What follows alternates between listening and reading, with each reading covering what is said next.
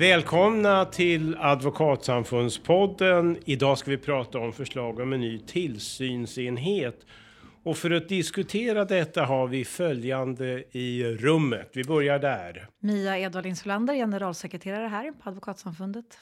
Peter Danowski, advokat och med i tillsynskommittén.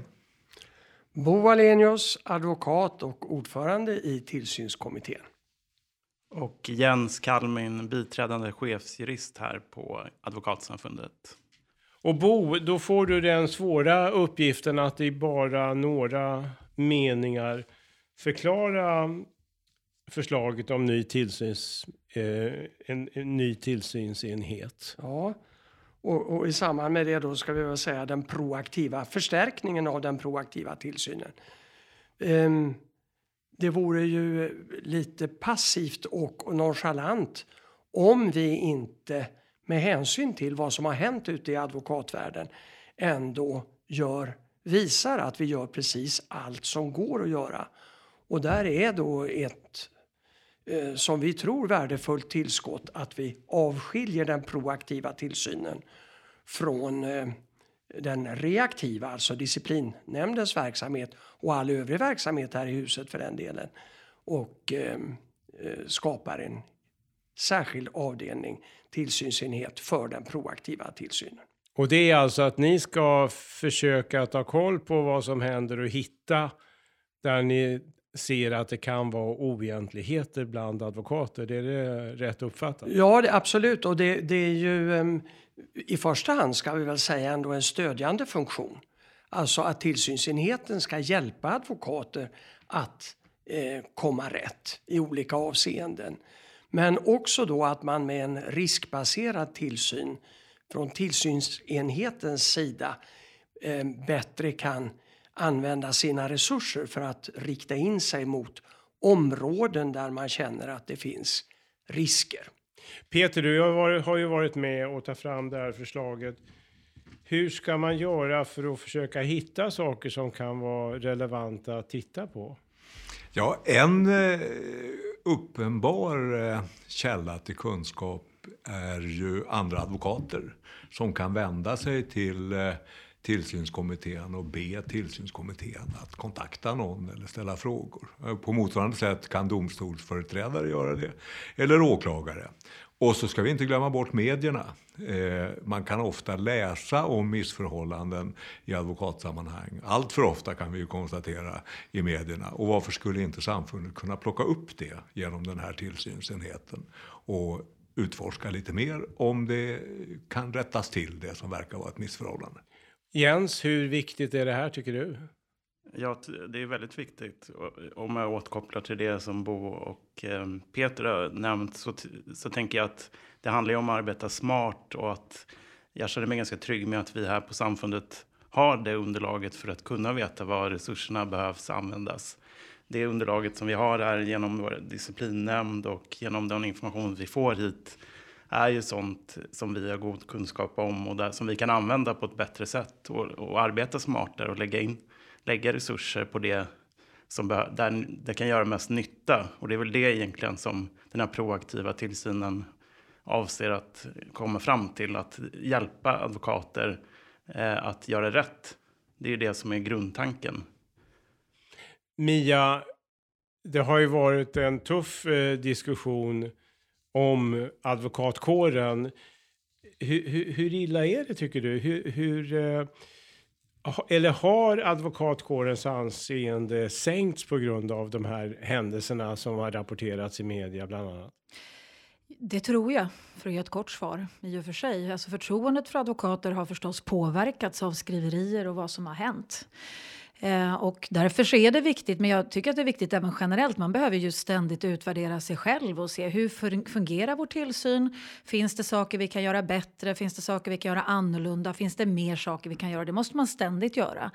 Men, men särskilt i ljuset av utvecklingen de senaste åren så har det blivit extra angeläget att faktiskt titta närmare på det här.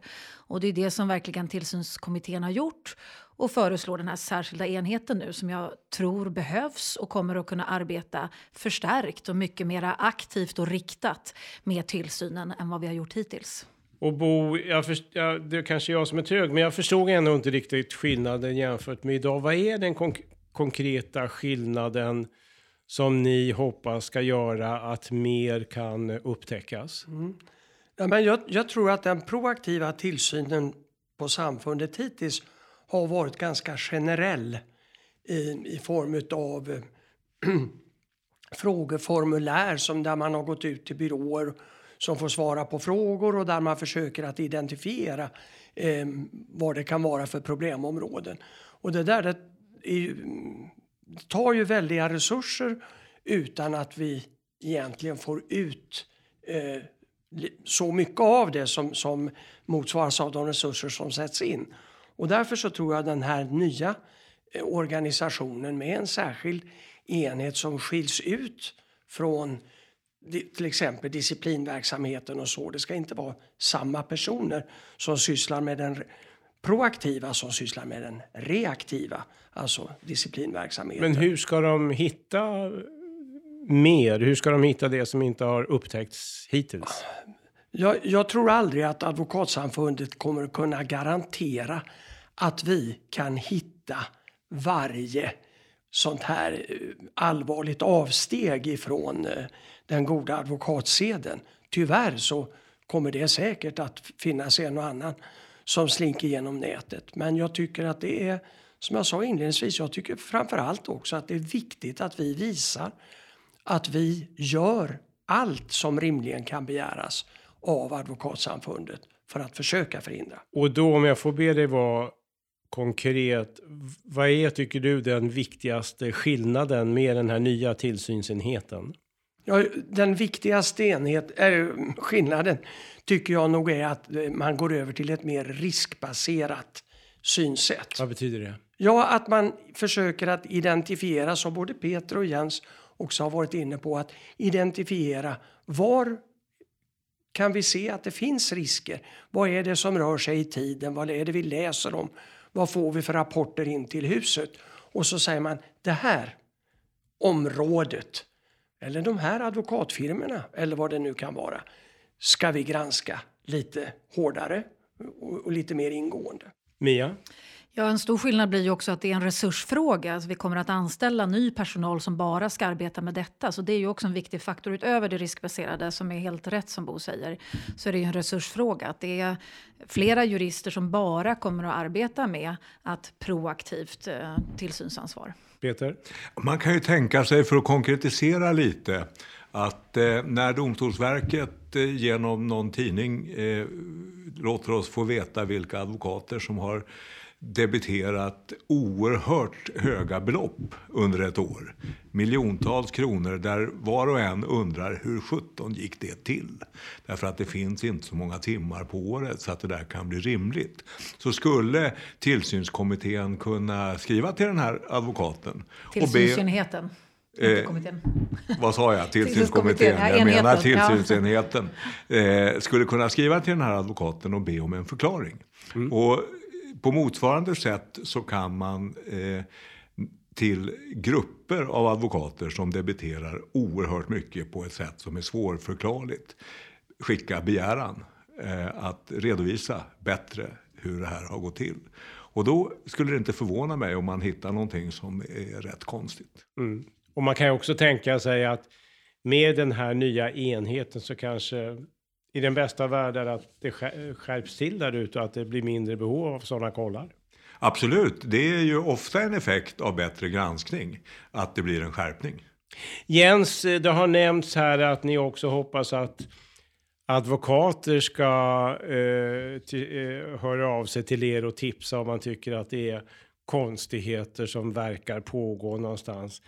Tror inte du att lojaliteten bland advokater är större och att man inte kom, eller att man kommer att dra sig i alla fall för att ange kollegor? Eh, det vet jag faktiskt inte, men eh, jag tänker att man får inte förväxla det här arbetet som tillsynsenheten gör med disciplinnämndsförfarandet. Och att om man vill anmäla en kollega för en överträdelse så är det genom disciplinnämnden man ska gå, genom en anmälan. Eh, det man kan göra till tillsynsenheten, tänker jag, det är att man kan uppmärksamma eh, tendenser. Eh, typer av företeelser som förekommer så kan tillsynsenheten välja att granska det om man tycker att det finns att det är en hög risk för ett typ av beteende om den får stora konsekvenser. Ehm, så att jag tänker att den informationen man får till exempel då från advokater blir ju en informationskälla som enheten kan använda eh, när den gör sina riskanalyser och, och överväger var behöver vi sätta in särskilda tillsynsinsatser. Så det är väl viktigt att få med att det här ska inte på något sätt ersätta disciplinnämndsförfarandet, utan det här är vad vi gör på eget initiativ. Och då påverkas det såklart av vad, vad vi får för input utifrån eh, och hur angelägna frågor är, vad det finns för substans i uppgifterna och så. Mia, det har ju förekommit i debatten vissa som menar att det ska inte vara advokatsamfundet som granskar kollegor utan någon form av statlig verksamhet skulle göra det, en myndighet eller hur man nu skulle organisera det. Hoppas du får slut på den diskussionen med det här förslaget. Så I vart fall så tycker jag att det är otroligt viktigt att understryka att det är väldigt viktigt att Advokatsamfundet och advokater är oberoende. Och då är det helt nödvändigt att tillsynen inte sker statligt. Därför så fort staten blir involverad i tillsynen och eventuellt kan påverka vilken advokat som får göra vad för vilken klient så finns det risker att det påverkar klienterna negativt. Och det vill vi inte. Så oberoendet är otroligt viktigt. Sen är det en annan sak att det ska fungera också. Det är därför vi gör det här och ser över det. Det måste fungera bra och man ska kunna känna förtroende för att vår tillsyn både proaktivt och reaktivt fungerar. Men det måste ske oberoende. Jag tycker man kan jämföra det med mediasystemet. Det är ungefär lite grann samma princip. Att oberoende medier är väldigt viktigt i en rättsstatlig demokrati. De har också ett oberoende granskningssystem med medieombudsmannen och mediernas etiknämnd och så. Det är samma princip som måste gälla för advokater. Men tror du inte att många medborgare kan känna, ja men det är dumt, de kanske tar hänsyn till att det är kollegor och att en myndighet, myndigheter ska ju vara objektiva. De kan väl bedöma om en advokat har uppträtt eh, oetiskt och inte ska få fortsätta som advokat. Tror du inte att förtroendet skulle kunna bli ännu större för en sån kon eh, konstruktion? Ja, alltså jag kan verkligen förstå den synpunkten, absolut. Men då är vi tillbaka till det där att oberoendet är väldigt viktigt. Att man måste tänka ett steg längre. Vad är riskerna med att staten lägger sig i granskningen? Sen ska man ju komma ihåg att när det gäller vår reaktiva tillsyn så, så har vi till exempel offentliga representanter i vår disciplinnämnd. Alla beslut skickas till justitiekanslern och så. Så att det är ju inte så att, att, vi, att vi inte har eh, inslag av eh, insyn i, i vår granskning när det gäller disciplinnämnden Eh, till exempel. Peter? Ja, man ska ju komma ihåg det som eh, komplement till, till eh, det Mia säger, att staten är ju advokatens vanligaste motpart. Och själva tanken att motparten ska utöva tillsyn över den fria advokatkåren är en urholkning av rättsstaten som jag tror de flesta kan begripa. Bo, om vi konkretiserar här, den här enheten, hur stor ungefär ska den vara och hur ska den organiseras? Och... Ja, det kanske egentligen Mia svarar okay. bättre på. men, men eh, jag har fått för mig att, att eh, det handlar om kanske tre personer in i, ja, i, mm. i ett första skede. Ja, precis så. Vi börjar med fyra stycken personer är tanken från och med nästa år. Eh, någon gång. Fyra jurister som på heltid jobbar inom den här tillsynsenheten. Måste de vara advokater? Nej, de måste inte vara advokater, men eh, jurister eh, tänker vi oss. Ja, mm. och eh, de, de, får en väldigt fri tillvaro då att eh, vara ute där och titta och lyssna med örat mot marken. Eller hur ska de konkret få ja. input? Ja, vi, vi håller på att arbeta just nu fram ett särskilt strategidokument som vi ska arbeta utifrån och lägga en väldigt tydlig eh, Eh, Eh, form för hur det här arbetet ska gå till. Och I det riskbaserade så ligger ju att vi ska ta fram årligen en särskild rapport som vår styrelse får där vi identifierar att här på de här ställena tror vi att det finns särskilda risker som tillsynsenheten behöver rikta in sig på. Kanske enmansbyråer till exempel eller eh, mottagningskontor eller vissa områden där vi ser att det kanske finns risker för etiska övertramp.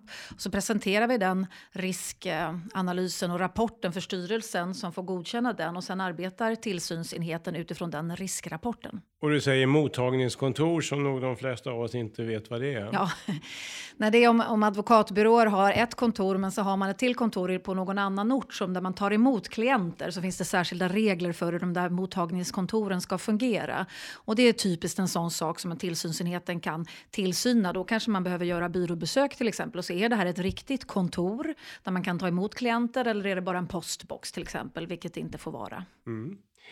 Eh, det kanske är elakt av mig att tänka så Jens, men de flesta, alltså om det nu är som vi ändå verkar misstänka i det här rummet att det har, det finns en misstro, eh, viss misstro, jag ska inte, vet inte hur stor den är, mot advokater efter händelser.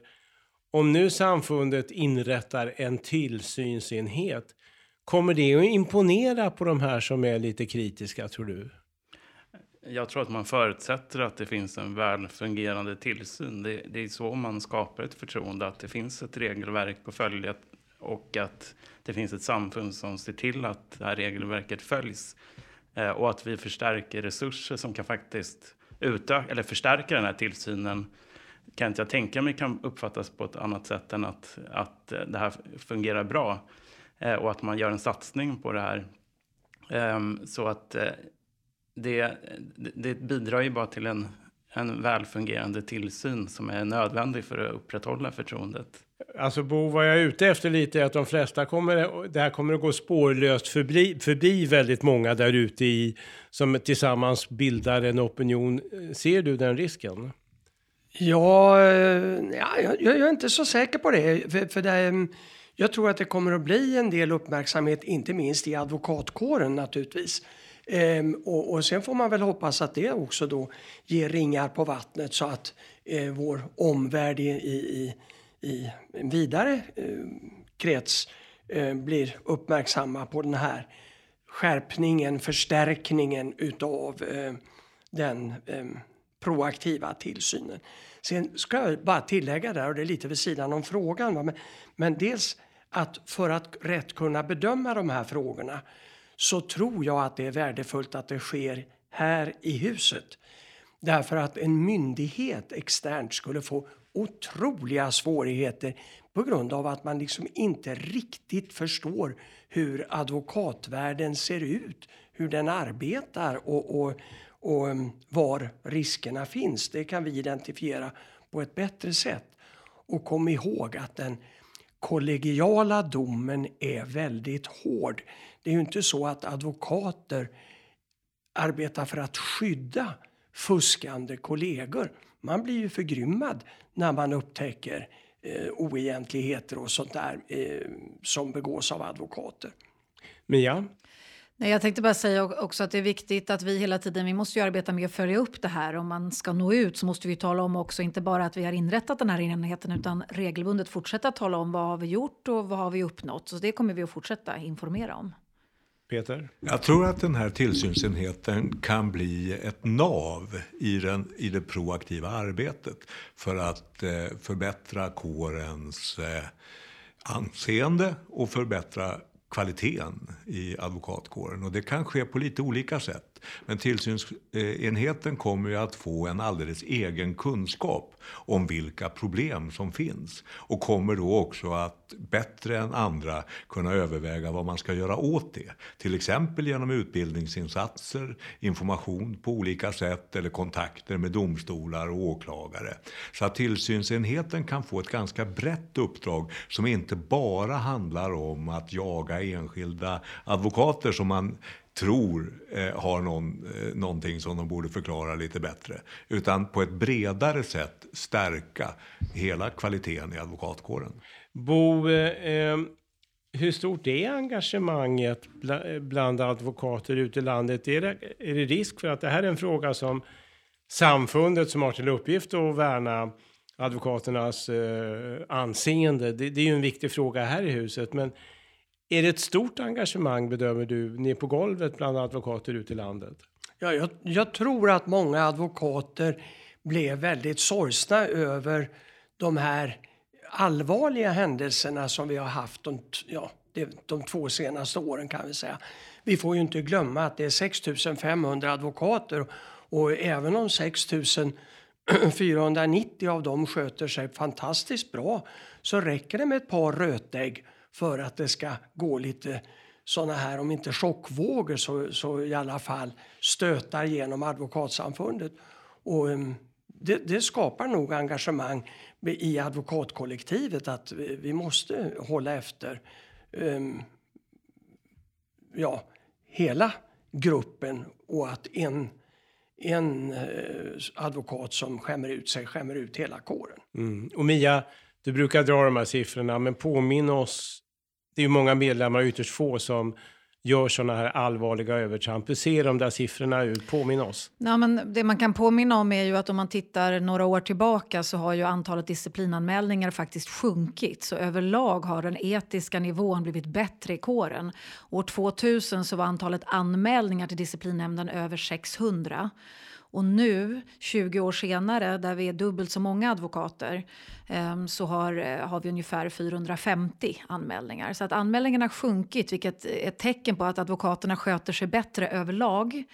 Men sen har vi ju sett vissa då eh, väldigt allvarliga, färre men värre säger jag ibland. Vi har sett vissa riktigt allvarliga som jag tror att många av oss har reagerat väldigt eh, starkt över. Allvarliga övertramp. Men jag tänkte lägga till också i den här tillsynsenheten, en viktig del av tillsynsenhetens arbete kommer ju bli att, att tillsyna penningtvätten också. För det är ju ett område som behöver eh, tillsynas och där vi får eh, europeisk lagstiftning som påverkar oss. Så att där behöver vi också förstärka vårt arbete kring att eh, hålla efter penningtvättsregelverket. Så det är också en viktig del i det här. Peter? Ja, det finns en annan aspekt som man tyck, tycker jag behöver tänka lite på det det hårdnande klimatet där fler och fler utsätts för frestelser. Eh, genom att eh, inträdestiden, eh, eller kvalificeringstiden för att få inträde i advokatsamfundet sänktes till tre år så blir man mycket snabbare på att stå på egna ben. Och in, kanske rent av innan man har fått en ordnad ekonomi. Och eh, då är utrymmet för att frestas av eh, lite snabbare pengar och inte hedliga pengar alla gånger mycket större. Och jag tror att man ser det i alla sektorer. Och vi kommer att se det i ökande utsträckning i advokatkåren och behöver stävja det så gott det går. Och när du säger att du tror att det kommer att öka ytterligare, vad tänker du på då? Ja, jag tänker på att eh, eh, kriminaliteten eh, bryter sig ju in i vårdsektorn, eh, i eh, assistentsammanhang. Och det är klart att en bra jurist kan hjälpa den som eh, vill bedriva kriminell verksamhet. Inte bara med penningtvätt utan sätta upp falska bolag och på olika sätt eh, undgå eh, upptäckt att den kan vilja utnyttja advokater som har sekretess. Och frestelserna där kan bli rätt stora. Och det gäller att få de yngre som kommer in i yrket att fatta att de sviker hela rättssamhället och att de riskerar att själva hamna, dels bli uteslutna, men också hamna i en fullständigt omöjlig yrkessituation så småningom. Mia? Men Peter har helt rätt i det. Det är inte bara advokatkåren utan det är hela vårt samhälle som påverkas av de här utmaningarna. Och det tycker jag de senaste månaderna så har vi ju sett exempel på infiltrering både inom domstolarna, inom Polismyndigheten, Kriminalvården, även Åklagarmyndigheten. Så det är inte bara inom advokatkåren som de här riskerna finns utan det ser vi ganska tydligt nu att det finns på många platser. Så vi behöver alla verkligen jobba aktivt med de här fråga, frågorna. Och dessutom är det väl så, det, det handlar nu om så stora pengar ibland. Och en del av klienterna har ett våldskapital som rimligen också riskerar, även om en advokat vill agera etiskt, så finns det risker att risken för hot påverkar dem. Vad säger du om det Mia? Ja, så är det verkligen. Alltså det är nya typer av utmaningar och, och, advokater måste ju verkligen... Alltså advokaten arbetar ju närmast klienten och kommer väldigt nära den som eventuellt har ett ont uppsåt. Och då är det en ganska grannlaga uppgift att behålla klientlojaliteten. Du ska vara lojal med din klient och hjälpa klienten och samtidigt behålla oberoendet också, även i viss mån gentemot klienten. Och det är inte alltid ett lätt arbete advokaten ställs inför när man de här etiska övervägandena överväganden man måste göra. Och det är ju det som vi hela tiden vill eh, liksom, uppmuntra till, utbilda kring, informera om, tillsyna. Hur otroligt viktigt det är att alla advokater håller sig inom den här eh, gränsen. Peter? Ja, hittills har ju uppmärksamheten kring de här frågorna framför allt varit kring brottmålen brottmålsadvokaterna. Men jag är övertygad om att vi kommer att se samma företeelser på civilrättens område. Hur då? På det sättet att man eh, i, sätter upp bolag som eh, sysslar med, med smutsiga affärer. På det sättet att man förfalskar hyresavtal. På det sättet att man utnyttjar systemet på olika sätt. Där en advokat kan vara en bra eh, målvakt. Eh, och eh, i skydd av sekretessen, i skydd av det som vi förtjänar genom att vara rättrådiga och oberoende. I skydd av det så kan man missbruka det systemet. Jens, alltså, jag vet inte om jag är dyster nu, men det låter ju som det är oerhört svårt att klara alla de här ja. nya hot och risker och ja. eh, påverkan som finns där ute. Vad, vad, vad säger du? Jag, jag, har nog ingen magisk formel för att komma Jag har nog ingen tror jag. Men... Men eh, det, det, är ju en fråga som man får vrida och vända på likt liksom andra myndigheter och samhällsaktörer. Hur man kommer åt den här typen av företeelser. Men eh, man kan ju säga att tillsynskommittén har ju också jobbat med riskbaserat. Vad finns riskerna? Och det här har ju varit en sån fråga som har diskuterats. Och där har man ju sett vad man kan, hur man kan tänka kring till exempel vem som får ta vissa typer av försvararuppdrag. Om det ska finnas krav på erfarenhet för att man ha, ska ha den integriteten att kunna stå emot eh, yttre påverkan. Så att det finns ju sätt att arbeta mot det här inom ramen för de verktyg som samfundet har också. Bo, tycker då eh, eh kommittén att man till exempel ska försöka se till att det inte är allt för unga advokater som tar sig an de här riktigt tuffa målen? Ja, Absolut. Det ligger i, eh, i det förslag som vi eh, lämnar i, eh, i vår slutrapport här till styrelsen. Det, nu ska man komma ihåg att tillsynskommittén har fått ett uppdrag av styrelsen att titta på en rad olika frågor. Och det gör vi och har vi snart gjort hela vägen kan man säga. Och när vi nu lämnar slutrapporten så lämnar vi den till styrelsen. Sen är det ju upp till styrelsen att tala om vad det är man tycker här är bra och användbart och om det är vissa saker där man tycker att vi kanske har, har varit lite för vilda i våra idéer. Men när det gäller just den här frågan så har den ju eh, varit föremål för särskild granskning och vi, vi anser ju, kan jag ju eh, lugnt påstå att, att det är klokt om man har skärpta krav för den som åtar sig allvarligare brottmål. Mia, eh, jag vet inte om du har hört med styrelsen, verkar den köpa det mesta av det som den här kommittén har lagt fram? Det kanske du inte får säga än, jag vet det, inte. Det finns ju många förslag som kommer att komma i slutrapporten, men tillsynsenheten har ju styrelsen redan godkänt och nu ska vi bestämma hur vi ska börja arbeta med den. Frågan om kvalifikationskrav för försvarare, det är ute på remiss just nu där vi inhämtar synpunkter ifrån avdelningar som finns ute i landet. Och sen får styrelsen vidare ta ställning till, till kommitténs olika förslag. Men det har fungerat, alltså det är ju väldigt eh, bra och viktigt att advokater också engagerar sig i den här tillsynskommittén och slår sina kloka huvuden ihop. Som, ni arbetar ju med olika rättsområden och i olika delar av landet och så. Det har varit otroligt värdefullt för Advokatsamfundet att, att få de här förslagen som är genomtänkta av flera olika advokater tillsammans. Bo, hur, hur, hur har arbetet fungerat inom tillsynskommittén? Har ni haft stora, man kan ju tycka olika utan att, ja, man kan tycka väldigt olika. Har det varit stora motsättningar? Nej, jag vill inte säga motsättningar. Men däremot har vi ju i, i när diskussionerna startar emellanåt haft olika uppfattningar eh, som vi har förfäktat på olika sätt. Men vi har ju haft väldigt högt i tak och i de här diskussionerna så har vi ju ändå kunnat enas eh, faktiskt utan att, utan att någon har behövt skriva sig skiljaktig i, i, i någon fråga. Så att vi, vi har kommit till någon form av konsensus i varje fråga som vi har diskuterat. Men visst har vi haft olika uppfattning och konstigt hade det varit annars. Peter, är den bilden lite för uh, rosenröd eller vad det heter? Eller? Nej, jag, jag, håller med om den. Och eh, eh, det är klart att den här frågan eh, som nu är ute på remiss, det är ju en av de svåraste, nämligen den om hur man ska kvalificera sig för de eh, svåraste försvararuppdragen.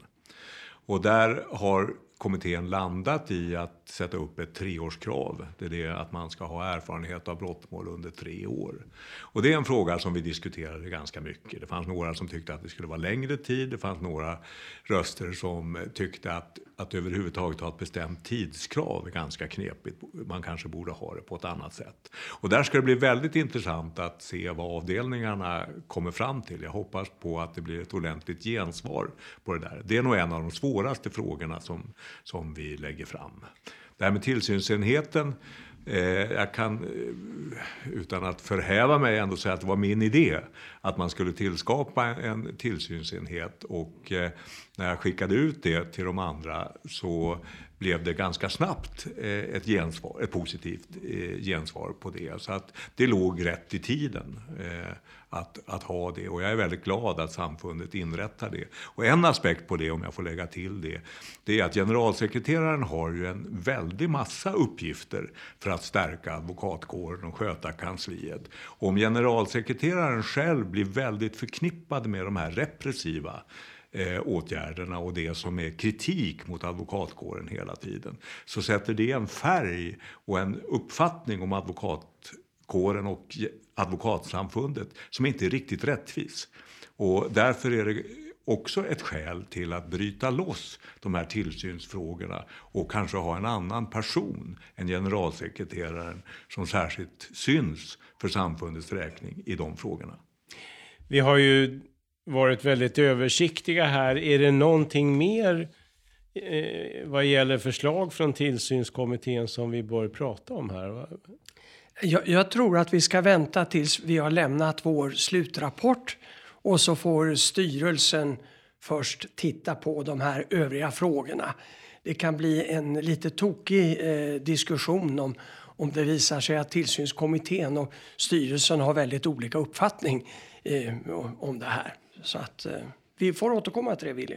Och eh, Mia, det här är ju tunga förslag som kommer och eh, förhoppningen är ju det att det ska påverka synen på advokatkåren. Men är risken för hot om att staten ska ta över en del av de här frågorna undanröjd tror du? Eller kommer den att finnas kvar länge? Det kan inte jag svara på. Den frågan är ju inte helt ny. Den har funnits tidigare så den frågan verkar uppstå då och då med några eh, års eh, mellanrum. Sådär. Så att det, det, vet inte jag. Men, men det är klart att det är viktigt för oss att allmänheten känner förtroende för att vi arbetar hårt och aktivt och professionellt och, och, och oberoende på vårt sätt med de här frågorna. Det är viktigt. Och hur... Um hur illa åtgången är advokat, eh, eh, advokatyrket Bo. När du går upp på en fest och säger att du är advokat, får du ibland lite ne negativa reaktioner eller? Nej, och jag tror egentligen att, att varumärket advokat är oerhört starkt. Eh, och jag kommer ihåg från min tid i presidiet när man läste all press eh, i landet. Och vi kunde tycka i vissa perioder att vi var utsatta för mycket attacker och kritik och så. Men då blev man lugnad när man läste vad alla Sveriges tidningar skrev. För det var också väldigt många hjälteartiklar om advokater som hade då eh, hjälpt människor i, i, i nöd i olika avseenden. Jag, jag, jag tror att eh, jag, jag tycker det är väldigt fint att vara advokat. Ja, Peter? Jag är inte riktigt lika säker på att anseendet är så gott. Jag tycker att man då och då, eh, just i samtal med, med andra som inte är i yrket, får, möter ifrågasättandet. Och då är det, hur fan kan ni bete er på det sättet? Och då är hela advokatkåren indragen. Eller hur kan advokater göra så? Man har en hög förväntan på advokater och då blir besvikelsen väldigt stor och ifrågasättandet kraftigt när några uppenbarligen sviker yrkesplikter. Mia, möter du sådana reaktioner? Ja, det gör jag. Jag fick frågan på en privat middag för någon vecka sedan. Ja, men när ska de här jäkla advokaterna sluta försvara sina klienter? Då visste jag inte. men det är klart att det säger någonting, den frågan om förtroendet. Och det måste vi ta på allvar, eh, faktiskt. Eh, så att eh, vi, vi, eh, det, det är därför vi gör det här. Och man kan utgå ifrån att i stor del kommer det här att bli verklighet. Med tillsynsenheten? Ja, ja det, det kommer att, och, vi kommer att börja arbeta med det i början på nästa år, så det är snart. Ja, därmed tror jag att vi sätter punkt för denna mycket viktiga diskussion. Tack till er alla för att ni kom hit. Tack till er som har lyssnat. Detta gör vi i början av december, så jag dristar mig att säga gott nytt år till er som är kloka och lyssnar snabbt när vi lägger ut våra poddavsnitt. Tack ska ni ha.